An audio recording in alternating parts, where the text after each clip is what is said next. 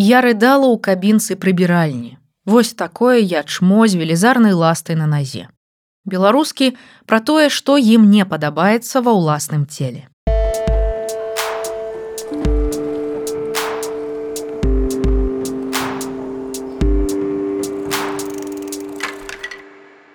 Адны людзі лічаць сваімі недахопамі пэўныя рэакцыі ўспрыманні знешняга свету, іншыя незадаволеныя сваімі фізічнымі якасцямі. Сіці док пагаварыў з беларускамі, На жаль, ніхто з беларусаў не адгукнуўся. Пра тое, што ім не падабаецца ў сваім целе. І адкуль гэтыя комплексы з'явіліся. Ганна, 31 год. Калі мы з сястрой былі яшчэ маленькімі, мама любіла ладзіць для нас фотасесіі але ў працэсе ўвесь час распускала нам валасы або паварочвала галаву на бок, каб не было відаць вушэй. Яна лічыла, што яны ў нас занадта вялікія. Калі ў школе нас здымалі з вушамі, мама заўсёды злавалася і казала, што сапсавалі фотокарткі. У дзяцінстве я да гэтага ставілася спакойна, было ўсё роўна. А ў падлеткавым узросце пачаў з'яўляцца комплекс. Сястра цяпер спакойна ставіцца да сваіх вушэй, а я так і не змагла з імі звыкнуцца. Да гэтага часу я не раблю сабе прычоскі з сабранымі валасамі. Адчуваю сябе з імі няўтульна. Адразу здаецца, што ўсе глядзяць. Ды і сама думаю, што выглядаю смешна. Калі закладваю валасы за вуха і нехта заходзіць у офіс, адразу перакладваю назад.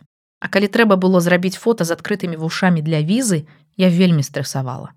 Самае цікавае, што ніводны чалавек не разумее маёй праблемы. А я часта сама расказваю пра яе. Магу спецыяльна завесці гэту тэму, каб расказаць усім пра свае вялізныя вушы. Маўляў, я і сама пра іх ведаю, не трэба іх разглядаць і абмяркоўваць. У адказ усе толькі дзівяцца і не разумеюць, чаму я так камплексую. А мне здаецца, што я менавіта гэтага і чакаю, каб мне сказалі: ды нармальныя ў цябе вушы. Пасля гэтага, як быццам становіцца крыху лягчэй. Пры гэтых людзях потым магу і хвосцік завязаць. Але ж выйсці ў людзі на нейкія мерапрыемствы з сабранымі валасамі не магу, толькі з распушчанымі. Гэта нават не абмяркоўваецца.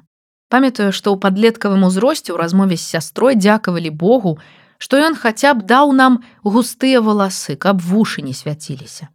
З мамай пра гэта часам успамінаем, але яна толькі кажа, што пушынкі з нас здымала, а мы, маўляў, няўдзячныя. У агульным Саму праблему вырашаць я таксама не спрабавала. З псіхолагам тым больш. Лічу яе не настолькі сур'ёзнай. Надзея, 23 гады. З дзяцінства я была вышэйшай за сваіх аднагодак. І памер нагі, адпаведна, у мяне таксама быў большы. І пакуль усе дзяўчынкі насілі ружовыя туфлікі з дзіцячых аддзелаў, мне ўжо куплялі чорныя офісныя ў жаночых.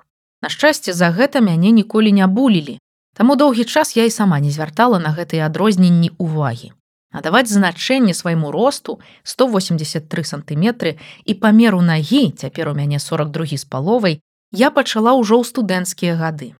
Калі адзенне і абутак прыйшлося выбіраць самастойна і самой жа сутыкацца з рэакцыямі і каментарыямі прадаўцоў. У 90 процентах выпадкаў усё праходзіць нармальна. Я іду ў краму, выбіраю абутак, запытваюся, ці ёсць мой памер, а мне спакойна і даволі паважліва адказваюць, што такога памеру, на жаль, няма. Але ёсць і тыя 10 процентаў, у якіх я сутыкаюся з вельмі непрыемнай для мяне рэакцыяй. Аднойчы на сайце нашага беларускага вытворцы я знайшла мадэль чаравікаў свайго памеру, якія мне спадабаліся. Забраніравала іх у канкрэтнай краме. Прыйшла туды, знайшла кансультантку і патлумачыла сітуацыю. Яна спытала, які памер і калі пачула 42, вельмі экспрэсіўна адказала. Девушка, у нас таких размеров атрадзясь не было і не будет. З тых часоў, а прайшло ўжо два гады, гэту краму я выходжу бокам. Насамрэч, нават успамінаць пра гэта вельмі балюча. Многія людзі як быццам не разумеюць, што мець вялікі памер нагі гэта не мой капрыз. Я ў гэтым не вінаватая. Знайсці сабе абутак цяпер я магу толькі ў дзяржаўных крамах, але сучасных мадэлей там практычна няма. Ёсць, вядома, нейкія нстаграм пляцоўкі і той жа wildберрис, але апроч памеру ў мяне яшчэ досыць вялікая паўната ступні і тырчыць костачка. З-за чаго не кожны абутак нават майго памеру мне падыходзіць. Часам немагчымасць выбару даводзіць мяне да істэрыкі. Літаральна мінулай вясной я знайшла ў краме чаравікі, якія і па выглядзе мне спадабаліся і па памеры падышлі, але каштавалі нейкіх непад'ёмных для мяне грошай. Я выйшла з крамы, пайшла ў прыбіральню, зачынілася ў кабінцы і проста рыдала ад безвыходнасці. Да таго моманту я абышла ўжо ўсе магчымыя крамы і разумела, што гэтыя чаравікі адзіны варыянт, які мне падыходзіць. То бок я не магу ад іх адмовіцца, адначасова з тым не магу іх сабе дазволіць. Вось такое я чмо з такой велізарнай ластай на назе. Выплакаўшыся, я попрасіла дапамогі ў бацькоў і ўсіх сяброў і знаёмых. І толькі так змагла купіць сабе абутак.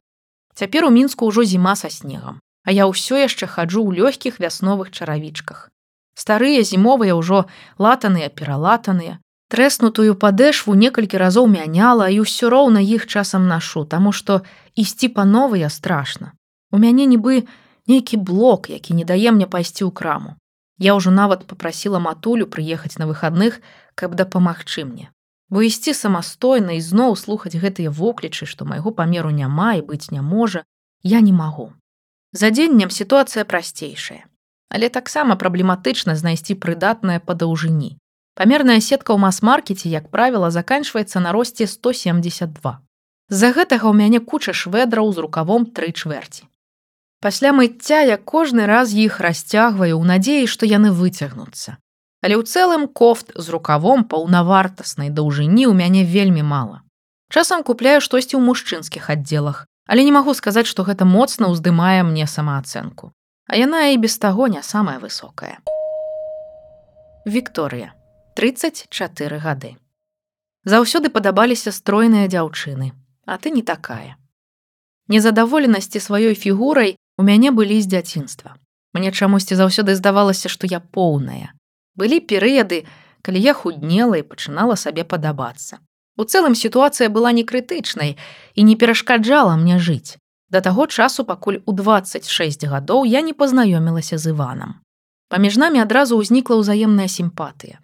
Ён пачаў праяўляць знакі ўвагі, але было відаць, што яго нібы нешта спыняе ад таго, каб увайсці ў адносіны. У выніку мы ўсё ж такі пачалі сустракацца. І мне здавалася, што ўсё добра, насамрэч не. Аднойчы кампаніяй сяброў мы адзначалі новы год у агульнага знаёмага на дачы. Я купіла сабе прыгожую чырвоную сукенку, якая гладка аблягала фігуру і адчувала сябе вельмі прывабнай і сексуальнай. Думала вані спадабаецца. Але замест кампліментаў ён раптам вырашыў прызнацца мне што яго спыняла на пачатку. Аказалася што яму заўсёды падабаліся стройныя дзяўчыны. А ты не такая у мяне ў галаве ў той момант просто ўзарваўся мозг.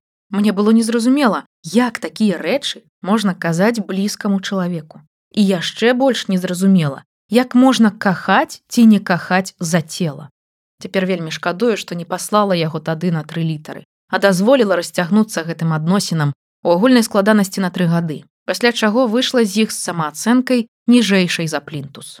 Пасля свайго прызнання Ваня вырашыў, што яго загоны наконт маёй фігуры як быццам легалізаваны і пачаў дазваляць сабе нейкія дзікія рэчы. Напрыклад, калі я ела дэсерт, казаў, што я пайду ў спартзалу адпрацоўваць. Або быў выпадак, калі мы галодныя пасля экскурсіі прыйшлі ў кавярню і ў чаканні асноўных страў я ўзяла кавалачак хлеба з маслам. Ён проста забраў у мяне гэта з рук і паклаў назад у кошык. У выніку я стала ўвесь час сядзець на нейкіх дыетах, баяцца з'есці лішняга. Хадзіла на цяжкія трэніроўкі па кросфіце, на танцы, разнастайныя масажы і іншае. Азіраючыся назад, я разумею, што ў той перыяд была ў лепшай сваёй форме, але ў моманце рэальна лічыла сябе тоўстай. Нейкія рэшткі здаровага сэнсу спрабавалі даказаць мне зваротнае. Але калі самы блізкі ў свеце чалавек кажа, што ты не адпавядаеш яго стандартам прыгажосці, шансы імкнуцца да нуля. Калі мы ў выніку разышліся, я на стрэсе схуднела яшчэ больш. І ўсё роўна лічыла сябе тоўстай. Вакол мяне з'явілася шмат хлопцаў, якія праяўлялі да мяне цікавасць. Але першы час калі нехта рабіў мне камплімент я ўспрымала гэта як сарказм. І мусіць толькі праз год я стала разумець што хлопцы кажуць што я прыгожая таму што сапраўды так лічаць. Цяпер мне 34 Але да гэтага часу я не магу пазбавіцца ад думак, што я тоўстая. Дагэтуль мне страшна знаёміцца з новымі людзьмі, нават па працы, Таму што здаецца, што я ім не спадабаюся з-за свайго цела. І нават гледзячы на тое, што я ўжо амаль два гады ў новых адносінах, і мой хлопец кожны дзень мне кажа, што я прыгожая і сексуальная і робіць гэта дастаткова шчыра, у галаве ўсё роўна фонам сядзіць гэта неадпаведнасць стандартам прыгажосці. Хаджу ў залу, стараюся сачыць за харчаваннем. Спрабую вырашыць гэту праблему з псіхолагам, але пакуль, на жаль, не надта ўдаецца.